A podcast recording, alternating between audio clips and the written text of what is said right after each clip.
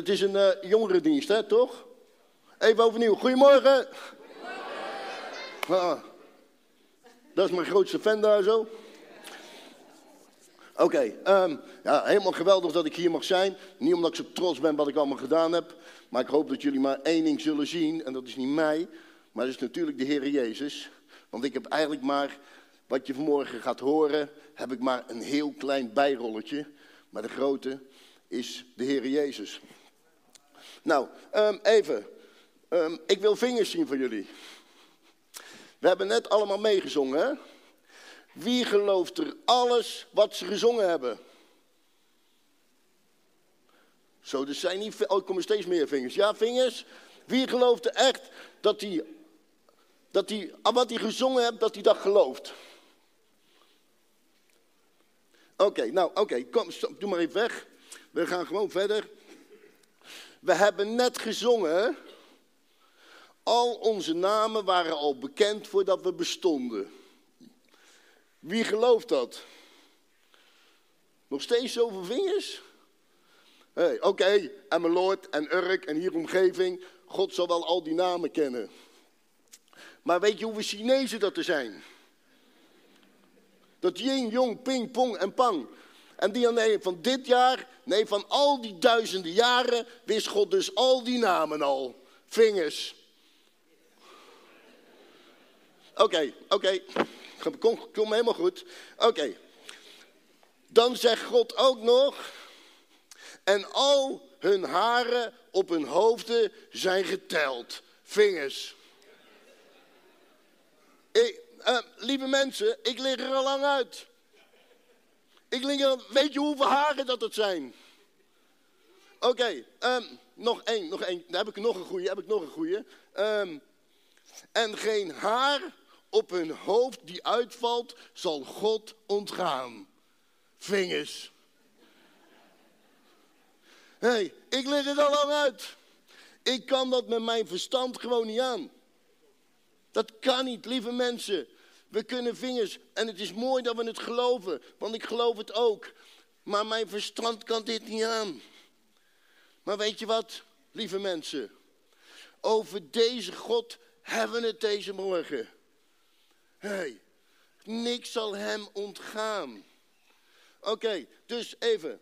Als hem niks zal ontgaan en al onze namen al bekend waren. En er staat er ook nog in de Bijbel dat we geweven zijn in de moederschoot. Wist God dus ook uit welke moeder dat we geboren zouden worden. En welke vader dat we zouden hebben. Ook dus wist God waar we geboren zouden worden. Toch of niet? Ja, toch? Oké, dus God, want er staat in de Bijbel, geen haar die uitvalt zal hem ontgaan. Dan is God toch overal bij geweest, lieve mensen? hey, ook in Psalm 23, al ging hij door dat dal van diepe duisternis. hey, was God daar ook bij? Daar was God ook bij. En er staat niet, ik leid je er omheen, maar ik leid je er doorheen. Maar vrees niet, want ik ben bij je. Over die God gaan we het deze morgen hebben, lieve mensen. Dus even. Dus ik geloof ook dat een ieder van ons, gelovig of niet gelovig, een ieder krijgt zijn eigen, dat is mooi, want iedereen heeft natuurlijk zijn eigen verhaal. Ik sta nu mijn verhaal te vertellen, dat doe ik hardop. Ga ik nu, iedereen van, krijgt van God een uniek eigen rugzakje. En dat rugzakje, wat je van God hebt gekregen, dat gaat God vullen.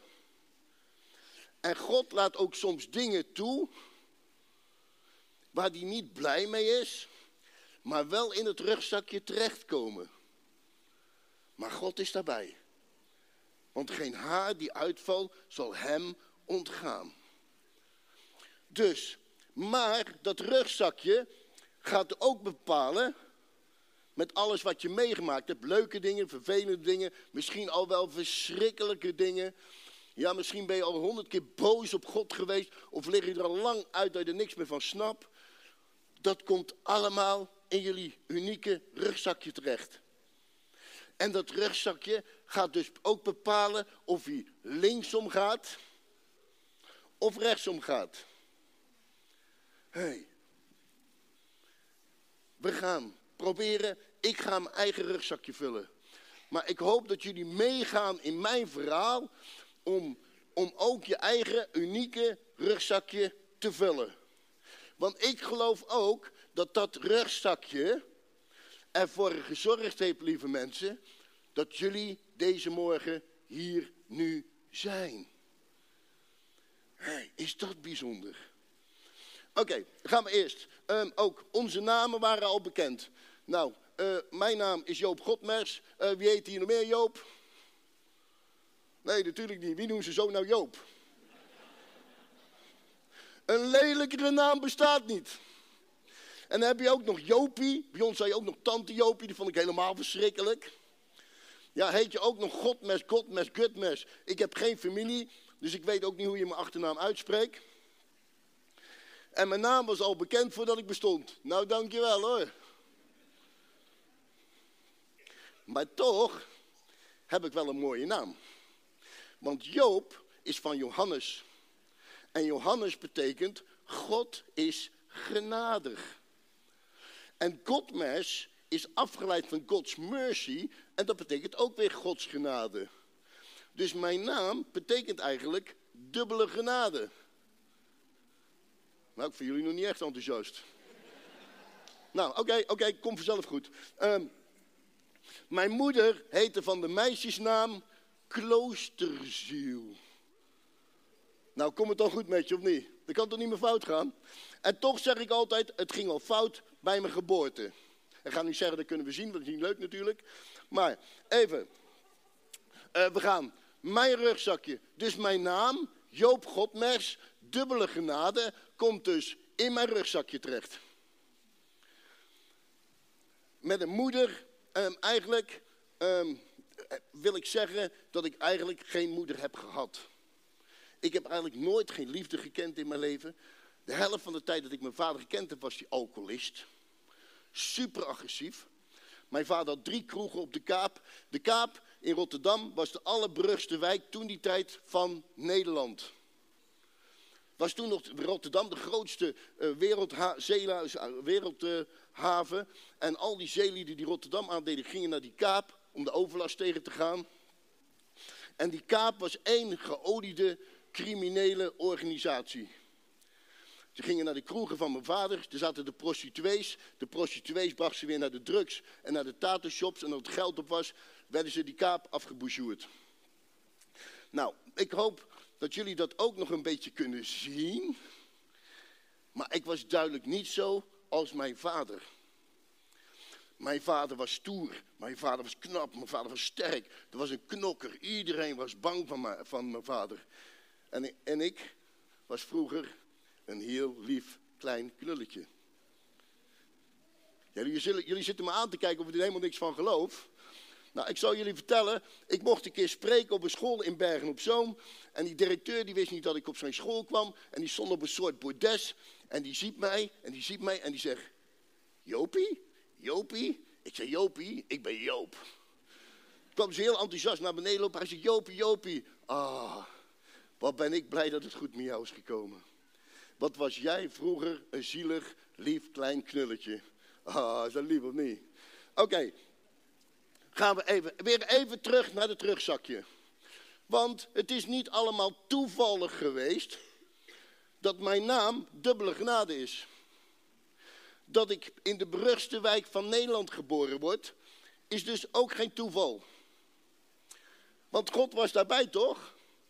En welke ouders dat ik zou krijgen, wist God ook al. En hoe ik op zou groeien, dat was allerminst prettig, kan ik je vertellen. Wist God ook al. Hey.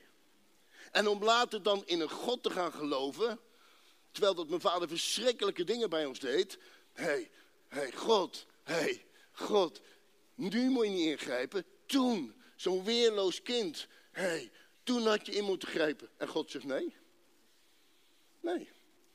Ik grijp in op mijn tijd. En mijn tijd is vele malen mooier dan jouw tijd.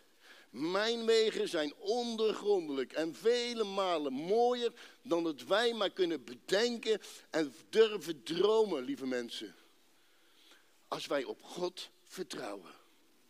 Maar eerst, voordat ik die mooie God mocht leren kennen, moest ik een verschrikkelijke weg gaan. Nou, uiteindelijk, uiteindelijk op zesjarige leeftijd was Rotterdam het beu, veegt die kaap schoon. Mijn vader vlucht uit Rotterdam, kijkt in een krant waar een café te koop was. En zo kom ik in het plaatsje Halsteren terecht. Nou, dat weten jullie allemaal niet te liggen natuurlijk. Nee, die snap ik, want er wonen maar drie mensen. Dat is uh, zo'n klein boerdorpje, net zoals Emmeloord, zo weet je wel, zo'n klein, zo'n klein boerdorpje. En, hé, uh, hey, hey, toen reden nog met paard en wagen. hey, ik was tussen de hoeren opgegroeid en het was net of ik 30 jaar terug in de tijd ging. Draai nog ineens een normale politieagent, was een of andere veldwachter of zo. Hey, ik vond het prachtig. Nou, ik was zes jaar, ik ging voor het eerst naar eh, school. Ik ging mijn eerste vriendjes leren kennen. En die ene zegt tegen mij van... Hé, maar je is goed, ik zou je eens pakken. Ik zat dus nu of. Of op een andere planeet. Maar dit kon Nederland niet zijn, want ik verstond die kinderen niet. En ik had natuurlijk nog nooit van een of andere dialect gehoord.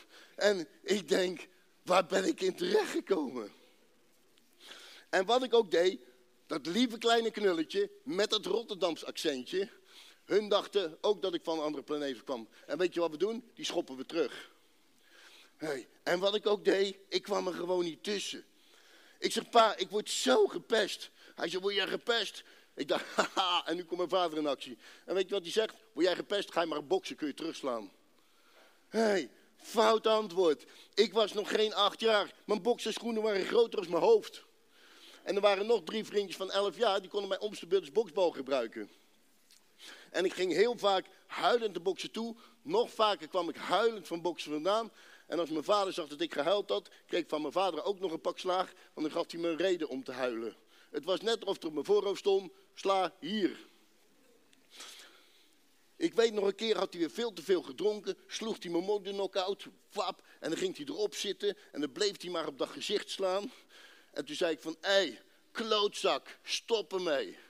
En hij kijkt en ik denk, uh, uh, wegwezen. En ik ren naar boven, duik onder bed. En mijn vader komt met zijn dronken hoofd naar boven gestormd. Trekt me onder het bed vandaan, gooi me op bed en gaat door waar hij bij mijn moeder was gebleven. De bloedspetters zaten tegen het plafond aan. En hij sloeg me helemaal kort. Ik weet nog een keer, had hij weer veel te veel gedronken, pakt hij ineens zo'n glazen asbak van de bar af en zo, wap. En slaat zo mijn moeder de schedel in.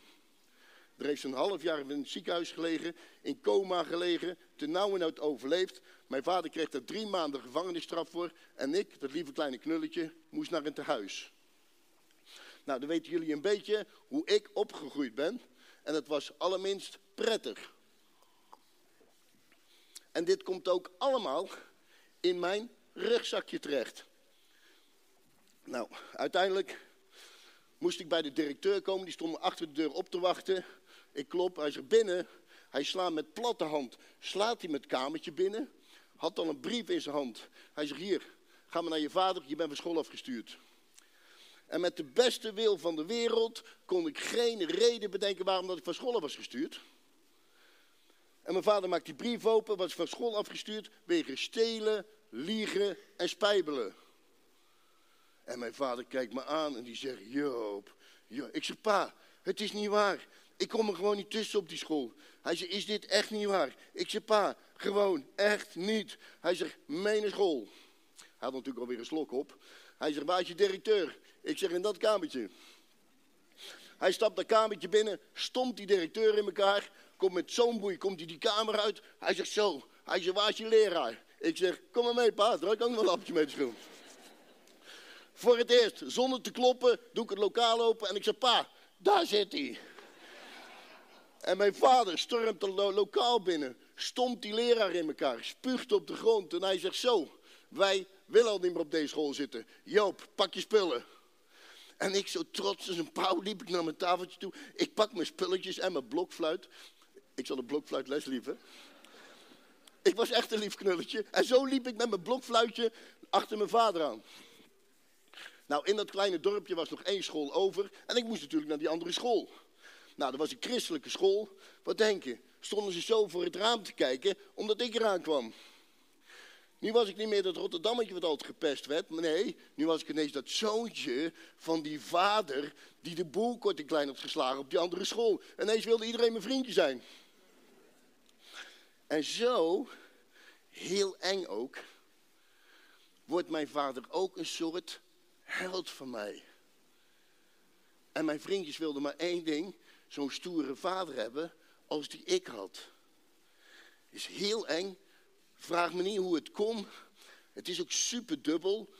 Maar uh, uiteindelijk groeit hij tot een of, uit, tot een of andere afgod voor mij. Nou, uh, uh, het was een christelijke school.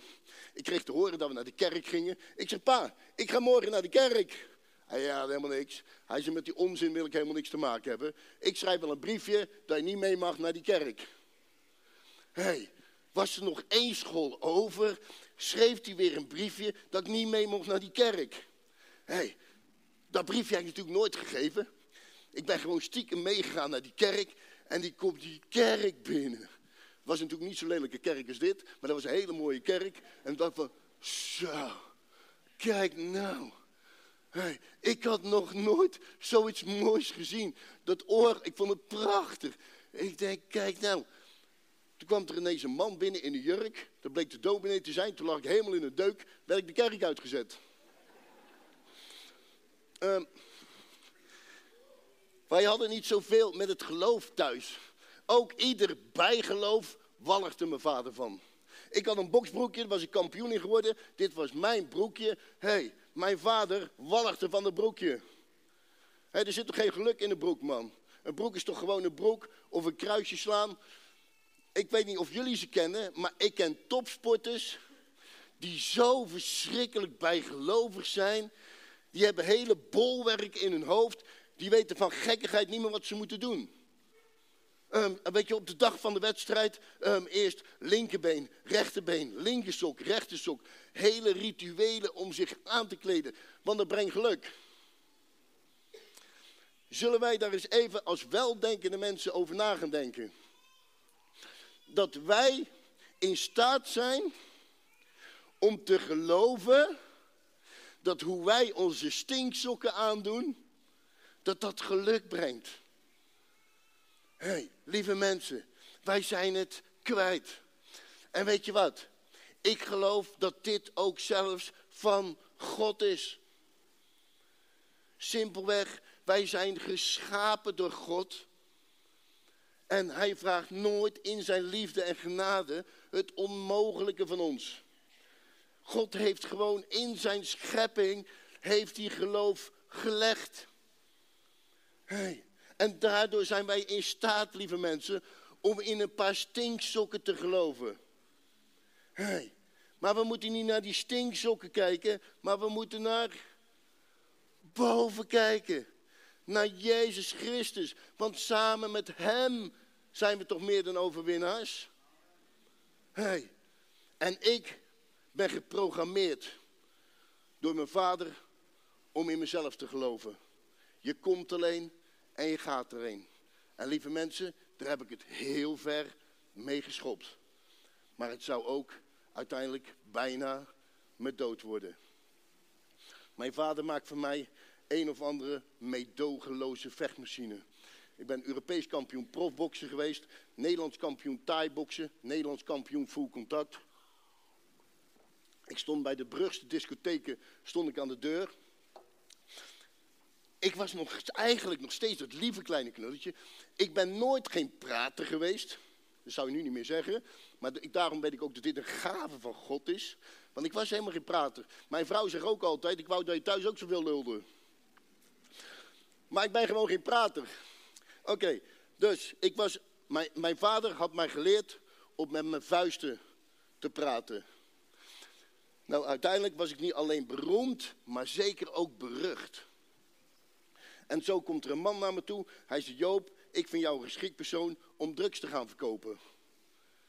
Ik zeg, geschikt persoon om drugs te gaan verkopen. hey, ik drink nog geen koffie met cafeïne erin. Dat laat staan dat ik iets heb met cocaïne. Ja Joop, maar dan gaan we zus doen, dan gaan we zo doen, kunnen we dit verdienen en dat verdienen. Ik dacht, waar heeft hij het over? Nou, ik was inmiddels getrouwd met een Zeels meisje. Dan ga je niet toe van vrouwen cocaïne verkopen, doe niet mijn Zeels meisje. Dus ik dacht, maar als ik het niet ga doen, gaat een andere doen. Laat mij er dan wat geld mee verdienen. En zo ga ik terug naar die man. Ik zeg, kom, we gaan ervoor. En ik groei uit tot een van de grootste en beruchtste en rijkste drugscrimineel van Nederland. Uiteindelijk kom ik in de Amsterdamse onderwereld terecht. Die zaten allemaal in de hash- en de wiettransporten. Toen gingen wij hash importeren vanuit Marokko naar Nederland toe. Minimaal iedere 14 dagen kwam er 5000 kilo hash Nederland binnen. Dat exporteerden we weer naar het buitenland in speciaal geprepareerde vrachtwagens. Die kwamen naar een bedrijf van mij in Bergen op Zoom. Werd die trailer, werd de loods ingereden, stonden stijgen klaar. En werd die daklijst eraf gehaald. Er zaten allemaal schuiven in. En die schuiven zaten allemaal bom en bom vol met geld. Er is een documentaire van mij op televisie geweest waar ik in vertelde dat ik het soms in mijn rug had van het geld dragen. Mijn compagnon die kwam naar me toe. Hij zegt, Joop, we verdienen nu minimaal 50.000 gulden per uur. En zo word ik schat en schatrijk. En we wisten amper nog waar we al het geld moesten laten. En tuurlijk uh, waren er al een paar vervelende klusjes die opgeknapt moesten worden. Maar in het algemeen lacht het leven ons nu toe. Steeds meer tussen de jetset in Amsterdam werd er weer een bordeel afgehuurd. En er er allemaal bladen met glazen met champagne, eh, spiegels met cocaïne. Hey, en gewoon ook bekende Nederlanders hoor. Hey, die komen daar en die nemen een lijn cocaïne en een glas champagne en ze liepen door. En wij zitten te kijken van, hé, hey, hé, hey, hij snoof cocaïne man. Hé, hey, wij wisten niet waar we in terecht waren komen. Nou, uiteindelijk kom ik er ook achter dat mijn compagnon cocaïne was gaan gebruiken. Met veel te veel champagne op stom dronken nam ik mijn eerste lijntje cocaïne. Om uiteindelijk nog steeds meer te gaan gebruiken. Mijn vader wordt ziek. Ik kreeg te horen dat mijn vader hooguit nog een jaar te leven had. Maar het jaar dat hij nog zou leven, zou een verschrikkelijke leidersweg worden. En die arts die zit zo te, te vertellen. Hij gaat langzamer ademhalen, langzamer slikken. En hij zal heel langzaam sterven. En ik zit zo te luisteren. Hij zegt, maar er is ook nog een andere optie. En dat heette toen nog passieve euthanasie. Hij zei, als we nu geen vocht meer toedienen, droogt hij uit en kan hij al binnen zes uur gestorven zijn. Ik zeg, ik zeg, wat vraag u nu van mij? Dat ik mijn eigen vader uit laat drogen? Hé, weet je wie daar ligt? Die man, dat is mijn afgod. Al mijn wilde, al mijn rijkdom, al mijn macht heb ik aan die man te danken. Die man moet beter worden. En hij schrok. Hij zegt, ik zeg ook niet dat je het moet doen, maar je mag weten dat die mogelijkheid er is. Nou, half overstuur ga ik naar huis. Ik pak mijn cocaïne. Ik snuif een berg cocaïne op. Ik neem een berg cocaïne mee. En ik ga naar het ziekenhuis. Ik zeg, kom, we gaan ervoor. Ik kreeg een schaaltje met citroenwater mee. En een wattenstaafje. En ik mocht zo over zijn lippen gaan. Net zolang tot het die uitgedroogd was. En zou sterven. Dat kon al binnen zes uur gebeurd zijn. Na twee dagen was ik alleen maar snuiven, snuiven, wattenstaafje, snuiven, wattenstaafje. Hing ik aan mijn vader of hij alsjeblieft wilde gaan slapen. Na bijna drie dagen sterft mijn vader een verschrikkelijke dood. En iedereen hield zijn hart vast. Hé hey Joop, hoe is nou? Ik zeg, goed zo? Ja, jullie waren vier handen op één buik, het is allemaal niet zo lekker. Ik zeg, ga weg man. Als mijn vader weet dat ik verdriet heb, draait hij zich om in zijn graf.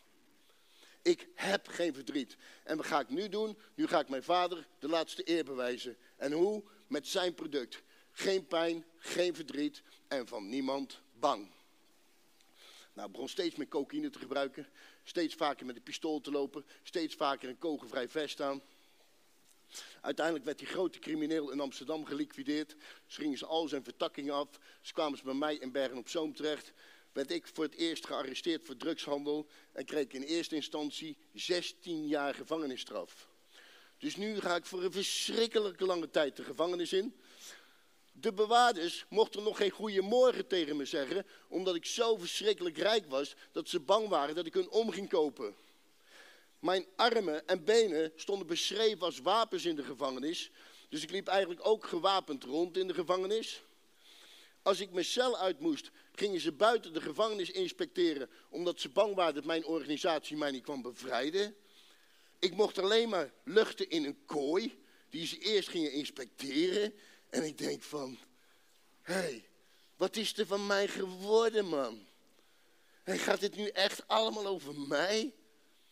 Mijn compagnon, die dacht 16 jaar, die komt nooit meer vrij. Emigreert naar het buitenland en sluist op zijn gemakje al mijn miljoenen mee naar het buitenland. En heb ik nooit meer teruggezien.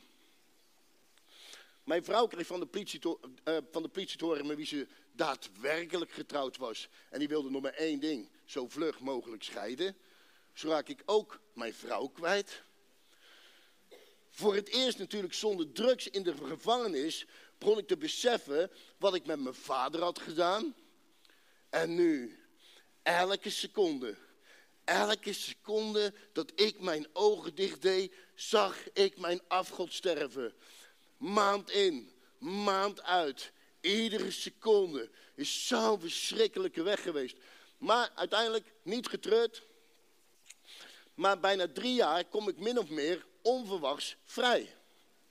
Stond een dikke Mercedes coupé stonden voor de gevangenispoort met twee gassen erin, met een fles champagne, spiegel cocaïne om te vieren dat ik vrij was. Hey, vieren dat ik vrij was. Hey, ik was woest. Hey, mijn compagnon weg, mijn vrouw weg, mijn vader weg, mijn geld weg. Hey, blij dat ik vrij was. Hey, ik was woest. En nou verandert er iets in mij. Nu was ik geen meedogenloze vechtmachine meer, gecreëerd door mijn vader. Maar nu werd ik een meedogenloze crimineel die nog één ding wilde. Nog meer geld verdienen. Binnen 14 dagen liep ik alweer met een kilo cocaïne onder mijn jas om die te gaan te verkopen. Dook weer helemaal terug die onderwereld in. Woonde alweer in een prachtig huis tussen de bossen. Sportschool eraan gebouwd. Ik reed alweer in een rode sportwagen. Daar gebruikte ik wel veel te veel drugs bij. En toen, en toen gebeurde er iets. Ik wist nog genees meer dat mij dat kon overkomen. Zo verschrikkelijk beschadigd. Ik werd op een op andere dag smoor en smoor verliefd op een vrouw. En die vrouw had eigenlijk maar één ding gemeen met mij. Die gebruikte net zoveel cocaïne als ik. Die zat nooit te klagen dat ik te veel gebruikte. En wat was ik gelukkig. Hier mocht nooit geen einde meer komen. Hele dagen zaten we drugs te gebruiken. Drie maanden later komt ze thuis. Zegt Joop, ik heb goed nieuws voor je. Ik ben zwanger. Je wordt vader. Ik zeg, jij zwanger. Jij zwanger. Word ik vader. Word ik vader. Oké, word ik vader is goed. Maar één ding. Maar nooit zo'n vader als die ik heb gehad. En mijn kind zal wel liefdevol opgevoed worden. Ik zeg, we stoppen met drugs gebruiken. Ik stap die onderwereld uit en gaan we nu aan onze toekomst beginnen. Toen kwam ik erachter dat het niet zo simpel was om die onderwereld uit te komen. En kwam erachter hoe verschrikkelijk verslaafd we waren. En die negen maanden zwangerschap wordt één groot gevecht tegen onze verslaving. Ik was er aan het snuiven op de vensterbank van het ziekenhuis, terwijl dat mijn vriendin lag te bevallen. Mijn dochtertje wordt geboren, Melanie. En ik zeg zo hardop tegen Melanie, hier Melanie, een vader die nooit geen drugs meer gebruikt. En dat was ook gelijk de eerste leugen die ik mijn dochtertje vertelde. Melanie, twee maanden oud en krijgt hersenvliesontsteking. Streptokokkenbacterie in de bloed. Ze was eigenlijk in mijn handen aan het wegrotten. Ze komt op het intensive care te liggen. Privékamer natuurlijk, bed erbij. 24 uur per dag bleef bij mijn dochtertje. Nooit geen rekening meer gehouden dat mijn dochtertje ooit zou sterven. Ze constateren een hartafwijking en ze hadden een verdubbelde hartslag van 244 slagen per minuut. Hey, ligt daar mijn babytje in zo'n klein ledikantje aan die hartbewaking, aan die met die kleine armpjes, zo helemaal te stuiteren. Hey, met al mijn macht, kracht en geld had ik me eigen nog nooit zo machteloos gevoeld. Hey, ik had al mijn geld in willen leveren om dat kind te kunnen genezen. hey, ik had daar plaats in willen nemen om haar beter te kunnen maken. Maar dat ging natuurlijk niet. Die arts die komt mijn kamer binnenlopen en ik zeg dokter, ik zeg dokter, ik zeg luister. Ik zeg, jij gaat Melanie beter maken. Uh, meneer, u moet wel een beetje gemak houden, want uw dochtertje is heel ernstig ziek. Ik zeg, me gemak houden? Hé, hey, doktertje, je weet niet wie je voor je hebt, man. Dit zegt niemand tegen mij in Nederland. Ik zeg, doktertje, als mijn dochtertje sterft, sterf jij ook. Hij zegt, en dit heb ik mij nog nooit laten zeggen. En je gaat mijn ziekenhuis uit. Ik zeg, jouw ziekenhuis. Ik zeg, doktertje, ik koop nu het ziekenhuis en jij bent ontslagen. Wegwezen. Ik zeg, je weet niet wie je voor je hebt, man. Als ik wil, haal je vanuit je auto nog genees, want ik laat je afschieten. En zo kom ik er ook achter dat ik met al mijn macht, kracht en geld één ding niet kon. En dat was het leventje van Melanie redden. En ik geloof nu, en velen met mij, dat het een Gods wonder is geweest dat Melanie het overleefd heeft. Ik was niet dankbaar, want ik geloofde niet in een of andere God. Maar ik was zo blij dat ik gezegd heb, en nu is het klaar. Einde verhaal. Ik wil er nu voor Melanie zijn. Ik stap die onderwereld uit. Nou, daar waren ze niet zo blij mee. Hebben ze mij nog proberen te vermoorden. Ik hoor ze net roepen van hij is dood, hij is dood, laat hem liggen. Heb ik de nauwe nood overleefd. Ik bel ze op. Ik zeg, oké, eerste ronde hebben jullie gewonnen. Nu ben ik aan de beurt. Hé, hey, kwamen ze nog een keer terug. Trokken Melanie uit de kinderwagen, pistool op de hoofdje gezet. Je moet tegen Joop zeggen dat hij zijn gemak moet houden, anders schieten we ze jong dood. En zo wordt Melanie als een stuk vuil terug die kinderwagen ingegooid. Mijn vriendin komt thuis en ik zeg, ik zeg, wat hebben ze gedaan? Is goed, maakt niet uit. Dan is het nu oorlog. En iedereen die aan mijn dochter heeft gezeten, gaat sterven. Ik liet hitteams uit Joegoslavië naar Nederland komen om heel die organisatie te laten liquideren. Ik woonde alleen maar op de bovenverdieping, want op de begaande grond konden ze met machinegeweren naar binnen schieten. Inmiddels zo verschrikkelijk verslaafd. Het einde van mijn verslaving begon ik mezelf te spuiten. En dus spoot ik mezelf schat en schatrijk minimaal 40 keer per dag in mijn ader. En ik had geen bloedvat meer over waar ik nog normaal in kon spuiten. Alles was kapot gespoten. Mijn dochter zat ondergedoken in België. Ik had nog een eigen kickboxschool. Ik probeerde zo goed als kwaad probeerde ik nog kickboxles te geven. En uh, ik dacht van, het was eind april en ik schrik en ik schrik. 3 mei ben ik jarig en ik denk van, hé, hey, ik ben gewoon over een paar dagen jarig, man. Hey, zit mij, je ziet mij hier zitten op die bovenverdieping. Al dagen wakker, hartstikke verslaafd. Hey, wat heb ik nog om te vieren, man? Hey, en Melanie is beter af zonder mij dan met mij. Ik zeg, weet je wat? Als ik nog één ding voor Melanie kan betekenen, is dat ik er niet meer ben. En zo beslis ik op mijn verjaardag om negen uur s morgens om een einde aan mijn leven te maken. Ik pak mijn pistool, ik haal mijn pistool over, ik zet hem op mijn hoofd en ik zeg zo, drugs, gefeliciteerd, jij hebt van mij gewonnen. Melanie, lieve schat, sorry, maar je bent beter af zonder mij dan met mij. En ik wil mijn pistool overhalen en de deurbel gaat. Tring. En ik schrik. En ik doe mijn cocaïne weg. En ik doe mijn pistool weg. En ik loop naar beneden. En ik hoopte natuurlijk dat Melanie het zou zijn. Ik doe de deur open. Hé, hey, wat denk je? Stonden al mijn leerlingen voor de deur. Die kwamen mij verrassen voor mijn verjaardag. Die dachten om negen uur ligt hij nog te slapen. En dan gaan we hem wakker bellen en dan gaan we voor hem zingen. Ah, dat liever niet. Alleen, ik sliep niet. Ik stond met een pistool op mijn hoofd. En ik doe die deur open en ik zie zo al mijn leerlingen staan. En die begonnen te zingen. Er is er een hoera. Ik denk, die kan niet. Hadden ze gezamenlijk een cadeau gekocht. Ik heb dat cadeau uitgepakt. Ik heb wat te drinken gegeven. Half elf moest ik hun dus kickboxles geven. Duurde al tot half één. Leefde ik nog steeds. Dat is ook vervelend. En dan dacht ik van, leef ik nog steeds? Oké, nog voor één iemand. Melanie. Pistool mee. Ik op oorlogspad. Half drie smiddags, overal met de pistool lopen zwaaien. En om drie uur s middags zat het halve Nederlandse politiekorps achter me aan. En zat ik ondergedoken op een zolderkamertje in Rotterdam. Dat was op mijn 35ste verjaardag. Ik ben bijna zeven weken voor het vluchten geweest. Alleen in die zeven weken was ik een man tegengekomen. En die man zei tegen mij van, rust heb je niet hè? Ik zei, nee, rust heb ik niet, nee, klopt. Hij zegt, uh, weet je hoe dat komt? Ik ja, dat weet ik wel, ja. Ik zeg, het halve Nederlandse politiekorps zit achter me aan. Hij zegt, nee joh, daar komt het niet door. Hij zegt, weet je waarom jij geen rust hebt? Ik zeg, nou, vertel het eens. Hij zegt, dat komt omdat je God niet kent. Ik zeg, jij spoor niet hoor. Hé, hey, maar jij bent toch die Joop? Jij bent toch die crimineel? Ik zeg, meneer, en dit wil u niet. Hij zegt, ja hoor. Hij zegt, weet je dat Jezus Christus voor jouw zonde aan het kruis gestorven? Ik zeg, jij spoor echt niet hoor. Ik zeg, meneer, weet je wat? Einde verhaal.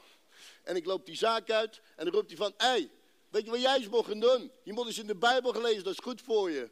En toen kwam ik helemaal niet meer bij van het lachen. Ik ga naar mijn onderduikadres. Ik zeg, wat denk je? Kom ik een winkel binnen? Ik ben om die binnen en begon hij al over God te kletsen. Bij mij nooit over God beginnen. Aantal dagen later doe ik weer een zelfmoordpoging. Nu door een overdosis drugs in te nemen. Ik neem een overdosis drugs in. Ik val meer dood dan levend in mijn woonkamer. Ik kom in die tunnel, in het licht terecht. Ik was duidelijk aan het sterven. En aan het einde van die tunnel stond diezelfde man weer en die zei van... En dat komt nu, omdat je God niet kent. hey, toen was ik bang, bang. Ik kroop naar mijn slaapkamer. Niet op handen en knieën, maar op mijn buik sloop ik naar mijn slaapkamer. Dekbed van mijn bed afgetrokken, over me heen gegooid. Gewacht dat het licht werd. En de volgende dag ben ik die man gaan zoeken. Ik rijd de trein op. Loop ik die winkel binnen. Zit daar die man op precies dezelfde plaats. Met zo'n vervelende grijns op zijn gezicht. Ik zeg altijd zo'n EO-lachje, weet jullie precies wat ik bedoel? Weet je wel, zo'n zo christelijk lachje zo van... Ik wist dat jij terug zou komen. Ik zeg, wat, ik wist dat je terug zou komen. Ik zeg, ga weg man. Leek gisteren wel even in mijn woonkamer zat. Hij zei, nou dat wist ik. Ik zeg, wat dat wist ik. Hij zegt, God gaat jou niet meer loslaten.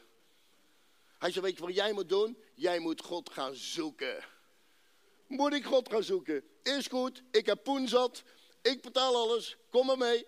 We gaan naar Schiphol. We bestellen een vliegtuig. Ik betaal alles. En we vliegen naar de hemel. Nou, met hetzelfde EO-lachje zat hij zo van... Uh, eh, zo werkt het niet helemaal. Hij zegt, maar wij geven op maandagavond bijbelstudies. Daar moet je mee naartoe gaan. Ik zeg, bijbelstudie. Kijk mij eens aan. Zie je mij nog naar een bijbelstudie gaan? Hij zegt, nee, dat dacht ik al. Hoezo, dat dacht ik al? Daar jij de ballen niet voor. Hé. Hey. Joop durf alles. Hij zegt, nou, hij zei, nou, dan ga je toch mee naar die bijbelstudie? Ik zei, nee man, ik ga niet mee naar een bijbelstudie man. Hij zei, nee je hebt het lef niet. Ik zei, hé hey, meneer, even nu. Nu, stop over die bijbelstudie. Hij zei, moet ik erover stoppen? Moet ik erover stoppen? Is goed, ik stop erover. Als jij zegt dat niet durft. Zo, toen was ik kwaad, kwaad. En ik stap naar hem toe en ik wil hem slaan. En ik wil hem slaan. En ik steek mijn hand uit en ik zeg, ik ga mee naar die Bijbel. En ik zie mijn hand die moest gaan slaan. Dit was mijn hand niet, die wou ik afzagen. Mijn hand was vroeger belangrijker dan een handtekening. En nu moest ik dus mee naar die Bijbelstudie. Maandagavond, Bijbelstudieavond. Ik word morgens wakker en ik dacht nog maar één ding. Ah, vanavond Bijbelstudie. Waar is mijn cocaïne? En zo vlucht ik helemaal in mijn verslaving. Smiddags begon ik mezelf te spuiten om op de been te blijven helemaal parren van de drugs. Dacht ik van uh, uh, bijbelstudie, moet ik nou kogelvrij vest aan? Uh, kogelvrij vest aan. Kogelvrij vest aan. Ik loop naar buiten. Ik denk, uh, bijbelstudie, moet ik nou mijn pistool meenemen? Ehm, pistool mee. Ik weer terug naar boven. Mij uitgekleed, holster aan, pistool mee. Joop, naar de bijbelstudie. Inmiddels natuurlijk veel te laat. Stond ik daar voor die deur. Eén, twee, drie. En ik stap naar binnen. En die mensen draaien zich om en doen allemaal dit zo. En ik, ik, ik, ik, ik, doe mijn jas open, ik pak mijn pistool. En zo, met mijn hand op mijn pistool, stond ik naar die bijbelstudie te luisteren. Bijbelstudie afgelopen, die man kwam naar me toe. Hij zegt, eh, en, waar vond je ervan? Ik zeg, ik geloof hier helemaal geen bal van. En zo raak ik met die man in gesprek.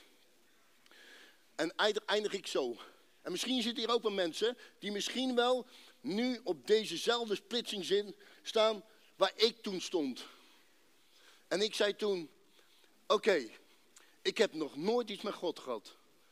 Dus ik kan ook niet weten of die wel of niet bestaat. Ik heb alles in mijn leven, alles reële kans gegeven. Ik ga die God van jullie ook een kans geven. Zeg maar wat ik moet doen om die God van jullie te kunnen leren kennen. Hij zegt nou, hij zegt nou, je zou kunnen beginnen om iedere maandagavond naar de Bijbelstudie te komen. Ik dacht van nee, niet iedere maandag naar die stoffige Bijbelstudie. Maar als dat ervoor nodig is, ben ik hier iedere maandagavond. Hé hey, lieve mensen, dat hoorde nog iemand. Weet je wie dat was? Dat was de duivel. En wat ik nu ervoer was bizar, lieve mensen. Soms letterlijk het gevoel hebben dat er aan me getrokken werd. Hey, soms moest ik letterlijk vechten om naar die Bijbelstudie te komen. Die Bijbelstudie was in Leperstraat. Lieve mensen, ik had in Leperstraat gewoond en ik kon Leperstraat niet meer vinden. Hey, viel mijn auto weer zonder brandstof. Hey, dat kon helemaal niet. En met mijn gezond verstand kon ik dit gewoon niet meer kwalificeren als dom toeval. En zo begon ik steeds meer te geloven dat er meer moest zijn tussen hemel en aarde die niet wilde dat ik naar die Bijbelstudie ging. Maar zo begon ik ook steeds meer te geloven dat er misschien ook wel een God zou bestaan. En dat Jezus Christus voor mijn zonde aan het kruis was gestorven. Nou, ik mis mijn eerste Bijbelstudie. En ik schrik en ik schrik. Heeft de duivel nog van mij gewonnen ook, zeg. Um, hier laat ik het niet bij zitten. Hier laat ik het niet bij zitten. Um, ik ga eens doen waar de duivel een hekel aan heeft. Uh, waar heeft de duivel een hekel aan? Uh, waar heeft de duivel een hekel? Um, ik weet het. Joop gaat zondag naar de kerk. Oké, zondagochtend. Ik spuit mij helemaal vol met drugs. kogelvrij vest aan. Stro uh, kerk, stropdas aan. Stropdas aan. Van die zware gouden kettingen erover. Iedere vinger een diamanten ring, een gouden klok. Ik leek wel zo'n kerstboom. Ik had een paardenstaat tot bijna op mijn kont. Zo'n zwarte Hugo Bosjes aan tot bijna op de grond. Pistool mee. In mijn rode sportwagen. Ik op zoek naar een kerk. Ik zie daar een kerk. Ik rijd dat terrein op. Nou, er was nog één parkeerplaats over. Dat is voor die grote deur. Er stond NP niet parkeren. Was mijn parkeerplaats natuurlijk. Dus ik zet zo mijn rode sportwagen voor die grote deur. Ik zet mijn motor uit. Lieve mensen, hoorde ik ze zingen in de kerk. En ik was zenuwachtig, zenuwachtig. En ik pak mijn sigaretten en ik steek een sigaret op. En ik neem een paar halen van mijn sigaret. En zo loop ik helemaal onder de drugs, gewapend met een pistool, rokend die kerk binnen. Hé, lieve mensen, zien jullie mij nog binnenkomen? Uh, de muziek begon net niet te stotteren. Ze probeerden zo goed als kwaad, probeerden ze met die dienst door te gaan. Maar ik stond natuurlijk grote rook in die kerk. Komt er ineens een vrouwtje de rij uitlopen en die kwam naast me staan. En die zei van, uh, meneer, meneer, u mag hier niet roken. Hey, Joop mag overal roken. Nou, toen kwam de koster ineens een asbak brengen. En zo stond ik rokend in de kerk. Ik weet niet of jullie het nog weten, maar jullie hebben net allemaal gezongen. Je mag komen zoals je bent. Nou, ik kwam zoals ik was. Maar daar was de kerk nog niet aan toe. En eerlijk gezegd was ik er helemaal nog niet aan toe. Drie dagen later werd ik weer gearresteerd voor het bezit van een amfitamine laboratorium. Kreeg weer bijna twaalf jaar gevangenisstraf. Ik vroeg wat te lezen, wat te lezen. Ja, voor jou hebben we wat te lezen, ja. En hij gooide zo de Bijbel op mijn cel.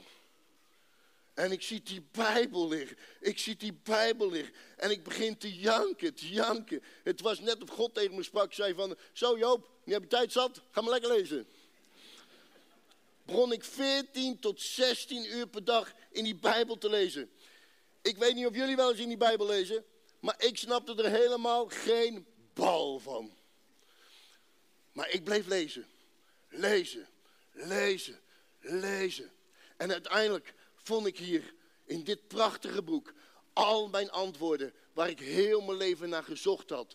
Rust, vrede, blijdschap. Je bent een geliefd kind, een liefdevolle vader. Hé, hey, kan dat ook nog? Ik vond het prachtig. Ik wilde geen televisie meer op cel. Ik wilde alleen nog maar naar de bibliotheek om nog meer boeken over de Bijbel. Ik was hele dagen aan het studeren. Word ik mijn cel uitgetrokken, Joop meekomen. Hé hey Joop, um, je bent wel heel erg met de geloof bezig hè? Ik zei, ja dat klopt. Hij zei, ja Joop, uh, wij geloven niet dat het goed voor jou is. Hij zegt, uh, oké, het is niet verkeerd om in God te geloven, maar hoe jij ermee omgaat is veel te extreem. Dadelijk gaat God jou teleurstellen en heb je helemaal niemand meer. Ik zeg, God mij teleurstellen? Ja, Joop, Joop doe nu zo. Doe nu um, ehm, 50% in God geloven en 50% in jezelf blijven geloven. Als God je dan teleur gaat stellen, heb je in ieder geval jezelf nog. Hey, is toch een vet advies, of niet? En ik kijk hem aan en ik zeg, meneer, in mezelf geloven? Hey, ik was geprogrammeerd om in mezelf te geloven, man. Weet je waar het eindigde? hey, op mijn verjaardag met een blaffer op mijn hoofd. Ik wil niet meer in mezelf geloven. Ik wil in Jezus Christus geloven, die voor mijn zonde aan het kruis is gestorven. Hij zegt, ja Joop, Joop, Joop. Ik zeg, nee, einde verhaal, breng me terug. Hij zegt, Joop, dadelijk ben je alles kwijt. Ik zeg, breng me terug. Bijna een jaar later, nadat ik uh, die zelfmoordpoging had gedaan, komt dus mijn verjaardag er weer aan. Alleen nu zat ik in de gevangenis. Ik kreeg ineens een brief van de moeder van Melanie. En er stond in, Joop, hou je niet meer van me? Mis je me niet? Kun je geen bezoek regelen op je verjaardag? Kom ik bij jou op bezoek. En als cadeau voor je verjaardag neem ik Melanie mee. Hey, lieve mensen, dit was zo'n wonder. Vorig jaar wilde ik nog zelfmoord plegen en nu ben ik met God bezig. Nu krijg ik door de gevangenismuren heen, krijg ik Melanie te zien. Hé, hey, daar heb ik God zoveel gedankt, zoveel gedankt.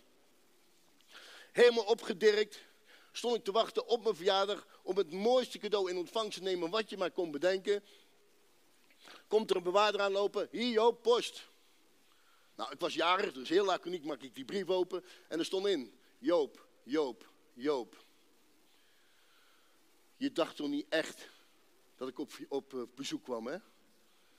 En je dacht toch niet echt dat je ooit van je leven Melanie nog te zien kreeg, hè? En je mag op geen ene enkele wijze meer contact met mij opnemen, anders vergaat je het recht één keer, één keer in het half jaar te horen hoe het met je dochtertje gaat. Doei, prettige verjaardag. Hey, lieve mensen, dit was zo gemeen. En ik had God hier zo voor gedankt. Helemaal de weg kwijt. En ik kon dit gewoon niet lezen. Die bewaarder kwam aan. Hij zei, Joop, wat doe jij nou? Ik zei, ga niet goed met mij. Hij zei, nee, dat zie ik. Hij zei, kan ik wat voor je doen? Ik zei, ja, breng me terug. Breng me naar mijn cel. Hij zei, weet je het zeker? Ik zeg, sluit me op. Hij brengt me naar mijn cel. Ik zie daar al die boeken liggen over de Bijbel, waarin staat dat God liefde is, toch? Ik zie daar die Bijbel liggen. Ik zie daar die Bijbel liggen. Ik had een sigaret in mijn mond. Ik gooi die sigaret in die asbak. Ik pak mijn Bijbel en ik zeg: Hé hey God. Hé hey God. En ik nog geloven dat u bestaat ook, zeg. Hé, hey, dit is zo gemeen. Uw liefde, uw liefde, ik geloof er geen bal meer van dat u bestaat. Hé, hey, God, doe je ergste vijand nog ineens aan, man. Hé, hey, maar God, ik kan nu niet meer verder. Als u bestaat, hier ben ik, Joop. Mag u het nu laten zien? En ik gooi die Bijbel weg, ik gooi die Bijbel weg. Daarna nooit geen sigaret meer aangeraakt. Op dat moment stond ik op instorten had ik het gevoel dat ik opgetild werd. En ik dacht van wauw, ik denk wauw, ik denk wat is dit joh. Wat ik toen nog niet wist, was dat God al mijn lasten aan het afnemen was, die ik zelf niet kon dragen. Als het ware was God dus eigenlijk heel mijn rugzakje aan het leeggooien. Waardoor ik het gevoel kreeg dat ik begon te zweven. En het was zo'n heerlijk gevoel. Doordat God al mijn lasten af had genomen, de energie die vrijkwam in mijn lichaam, begon mijn lichaam op te warmen en kreeg een constante temperatuur van bijna 39 graden en begon ik helemaal te gloeien en te stralen. En ik stond zo van, wauw, wauw, dit was zo'n geweldig gevoel. En toen, en toen, lieve mensen, toen ontving ik pas echt het allermooiste cadeau voor mijn verjaardag wat je maar kon bedenken. Zoals het in de Bijbel staat. Als een vuur kwam de Heilige Geest in mij wonen. En ik werd uit het niets smoor en smoor verliefd. Hey, en helemaal verliefd, half zwevend. Zo, wauw, wauw, dit was zo'n heerlijk gevoel. Die bewaarder die me helemaal overstuur mijn cellen had gegooid, kwam kijken hoe het met me ging. Die doet mijn cel er open, die ziet mij en die deinst terug. Hij zegt, Joop, wat is er met jou gebeurd? Ik zeg, ik zeg, dit is geweldig. God heeft ingegrepen. Hup, gelijk zelden dicht natuurlijk. Want iedereen wist natuurlijk dat ik met God bezig was. Hé hey, dominee, ga eens bij Joop kijken, want uh, God heeft ingegrepen. Die dominee doet cel erop. Ik zie die dominee. Ik pak die dominee. Trek die dominee naar binnen. En ik kan vertellen. Hé, hey, lieve mensen, staat ook in de Bijbel, hè. Stromen van levend water komen uit je binnenste vloeien. Hé, hey, ga weg, man. Ik ging als één vloedgolf, ging over die dominee heen. Nou, die dominee wilde nog maar één ding. Zo vlug mogelijk cel uit. En die dominee, die dacht van, uh, die Joop kan maar beter een bezoekje gaan nemen bij de psychiater. En zo word ik door de dominee naar de psychiater gebracht. En ik kom bij die psychiater. En ik zie die psychiater. En ik zag nog maar één ding. Een verloren schaapje. Dus wat moest ik doen? Hem eerst het evangelie vertellen. Dus ik weer als één vloedgolf over die psychiater heen. Die psychiater zegt, hé hey Joop, Joop, Joop, Joop. Hé, hey, doe eens een beetje rustig man. Maar ik had zoveel energie omdat God al mijn last had genomen. Hé, hey, en hij zegt, Joop, Joop, doe eens een beetje rustig. Hij zegt, weet je wat ik doe? Hij zegt, gaat hier lekker mee door. Hij zegt, ik plaats je over naar een activiteitenvleugel, waar je een hele dag kunt sporten, waardoor je de energie gaat verbruiken en ga je lichaamstemperatuur weer naar beneden. En de volgende dag, lieve mensen, als de grootste crimineel die binnen zat, werd ik overgeplaatst naar een activiteitenvleugel waar ik een hele dag mijn cel uit mocht en waar ik een hele dag moest, mocht sporten. Maar ik geloof dat ik nu gewoon voor knettergek verklaard was. En ik mocht gewoon nu een hele dag mijn cel uit om te sporten. Hey. Maar ik had geen tijd om te sporten. Want ik zag alleen nog maar allemaal verloren schaapjes. Dus ik moest iedereen het evangelie gaan vertellen. Ik kon mijn mond niet meer houden. Hey, iedereen zou weten, Jezus Christus leeft. En zo. Ik bel mijn advocaat op. Ik zeg, advocaat, hier komen. Hij zegt, Joop, het is er aan de hand, het is er aan de hand. Ik zeg, ik ga alles eerlijk vertellen. Is goed, Joop, krijg 20 jaar gevangenisstraf. 20 jaar ga ik evangeliseren in de gevangenis. Hij zegt, evangelie wat? Hij zegt, Joop, je bent gek geworden. Hij knoopt jou op aan de hoogste boom.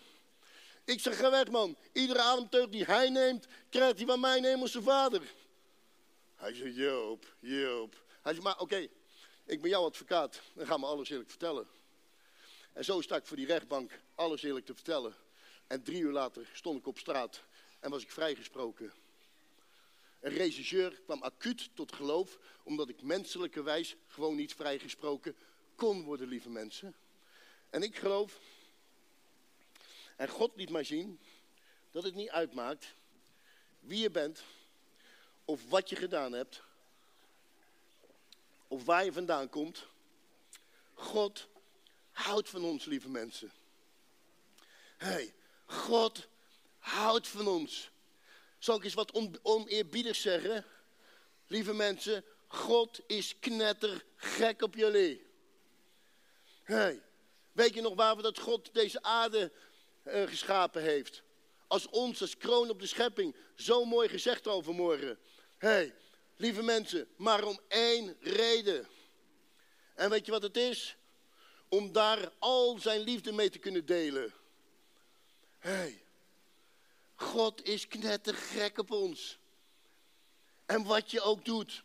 Hey, al ga je nog honderd keer naar de kerk of al die evenementen. God gaat nooit meer van je houden. Nooit meer van je houden, want het kan simpelweg niet. En dan ga je nooit meer naar de kerk en laat je God los.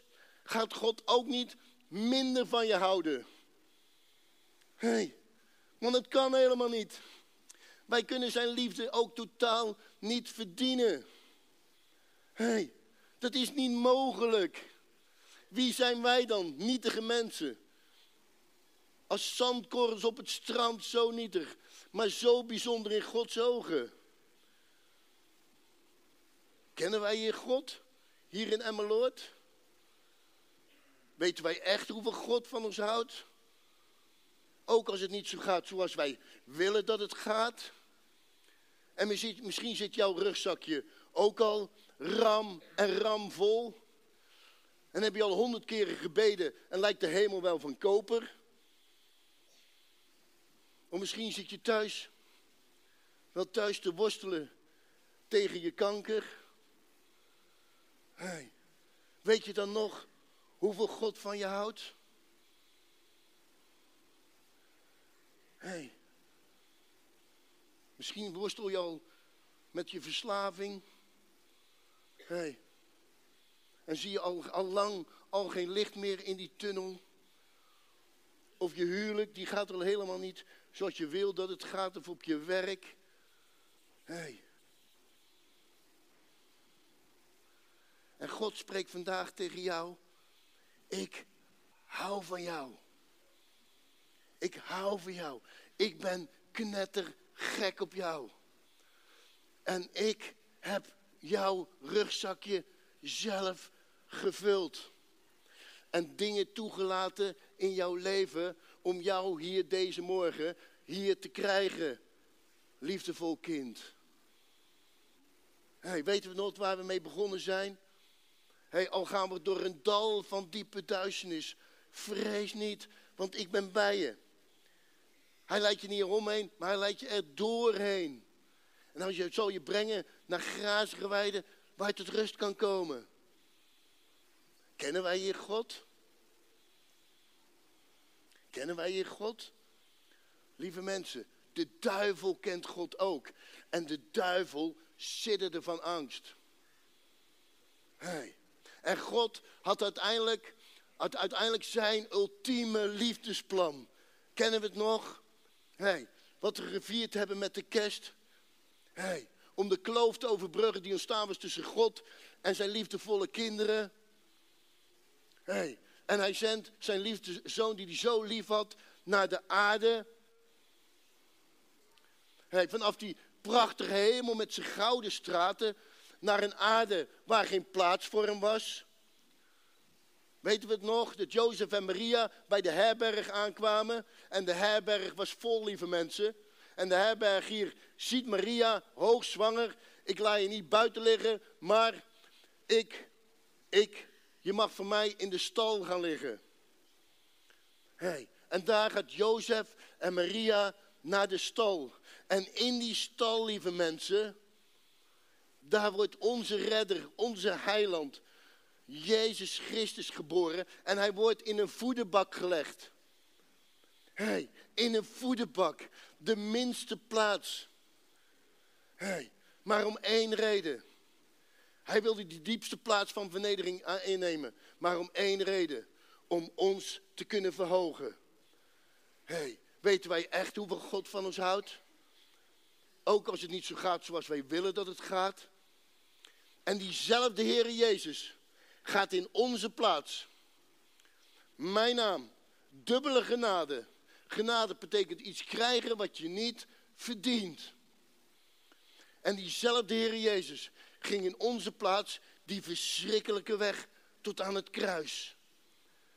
Hij weten we echt hoeveel God van ons houdt? Hij werd in zijn gezicht gespuugd door de mensen die hij zelf geschapen had. Hey, verlaten door zijn vader, verlaten door discipelen, zijn familie. Hey, Zijn baard werd uitgetrokken, in zijn gezicht gespuugd. Heer, een doornenkroon op zijn hoofd geslagen. Symbolisch als koning voor de Joden toch? Maar lieve mensen, die kroon, die verschrikkelijke kroon met die grote dorens, ging ook zijn hoofd op voor ons. Voor al onze zondes, al onze viezigheid die in onze hoofden omgaat, om die te kunnen genezen. Hé, hey, daarvoor ging dat verschrikkelijke doornenkroon op zijn hoofd ook erop. Hey, weten we echt hoeveel God van ons houdt? Hij werd gegezeld. Hij werd gegezeld totdat hij er niet meer menselijk uitzag, lieve mensen. Om al onze ziektes te kunnen dragen. En met dat verschrikkelijke hout op zijn rug, wat hij zelf geschapen had, ging hij naar Golgotha. Ging hij naar Golgotha. En daar wordt onze redder, onze heiland Jezus Christus, aan het vloekhout genageld en boven de wereld gesteld. Weten we het nog? Hoeveel God van ons houdt?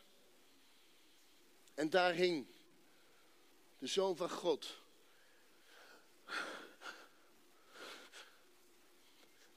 Niet meer menselijk om aan te zien. Met het verschrikkelijke kroon op zijn hoofd. Hey, en met al zijn liefde en met zijn laatste kracht schreeuwt hij uit: Liefdevol kind, ik heb het volbracht. Weten we echt hoeveel God van ons houdt? Hey, ook als het niet zo gaat zoals wij willen dat het gaat. Kennen wij hier God in Emmeloord? De duivel kent God ook. En die sidderde van angst. Lieve mensen, God wil helemaal niet dat wij hem kennen. Want wie is die God? Geen begin, geen einde. Al onze haren op ons hoofd zijn geteld. Hey, lieve mensen, God is niet te kennen. God is niet te kennen. Gaat iets doen wat de duivel niet kan. En weet je wat dat is? En dan komen we gelijk bij het evangelie uit. En dat is niet God kennen, maar God liefhebben. Liefhebben. Met heel je hart, heel je ziel, met al je kracht, met heel je verstand. God liefhebben. Hem loven en prijzen onder alle omstandigheden. Voor het volbrachte werk aan het kruis. Dat vraagt God van ons. Hey. God, stop met God te kennen. Ga hem liefhebben. Ga maar één ding doen. Eén ding doen. En dan mag je heel je leven over doen. Probeer maar een spiegelbeeld van de Heer Jezus te worden. En dan heb je gelijk ook de wet volbracht. Weet wie je kunt zijn in Christus. Samen met Hem zijn we meer dan overwinnaars. En daaraan gelijk je naaste lief hebben als je zelf. En dan heb je gelijk het evangelie ontvangen. Lieve mensen, weet wie je kunt zijn in Christus. Gaat in die overwinning staan. En waar je ook bent en waar je ook staat, in welk diepdal, laat de duivel nooit je blijdschap roven. Zullen we onze handen vouwen en bidden.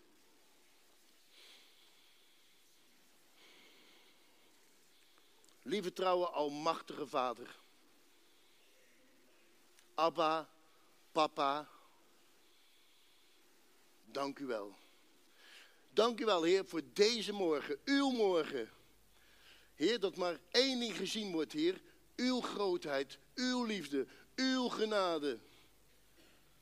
O Heere God, wij als zandkorrels, zo nietig. Heer, maar zo bijzonder in uw ogen, Heer. Dat u zegt dat we een parel zijn in uw liefdevolle hand. Dat u ons zo bijzonder vindt dat u uw enige geboren zoon gegeven heeft. Om ons bij u te krijgen. O Heer, wat een genade voor ons, wij die het niet verdiend hadden. En Heer Jezus, dank je wel. Dat u uiteindelijk afdaalde vanaf die prachtige hemel. Om uiteindelijk in onze plaats te sterven aan het kruis. Om ons nieuw leven te kunnen geven. Eeuwig leven samen met u. En dank u wel, Heer Jezus, dat we mogen weten, Heer, dat u opgestaan bent en dat u leeft en dat u regeert als koning in de hemel over uw kinderen. En ik wil bidden voor hier in deze kerk, dat we uw kinderen mogen en kunnen zijn. En ik wil bidden voor hier en ieder worstelen met zijn geloof, met ziekte, verslaving, met pijn, verdriet, eenzaamheid. O Heere God, raakt een ieder aan. En wilt u ze genezen en oprichten en blijdschap geven. Dat ze mogen ervaren, Heer, dat ze meer dan overwinners zijn, samen met u. Heer, ik wil bidden. Wilt u zo met ons meegaan? Niet waar wij willen komen, maar waar u wilt waar we zijn zullen. Heer, dit bid ik zo. Niet omdat we dat verdienen, maar om Jezus Christus wil. Uit genade. Amen. Sorry voor het lange verhaal. Ze worden allemaal al zenuwachtig hier. Ik ben niet zo'n goede spreker, ik heb veel woorden nodig. Um, even.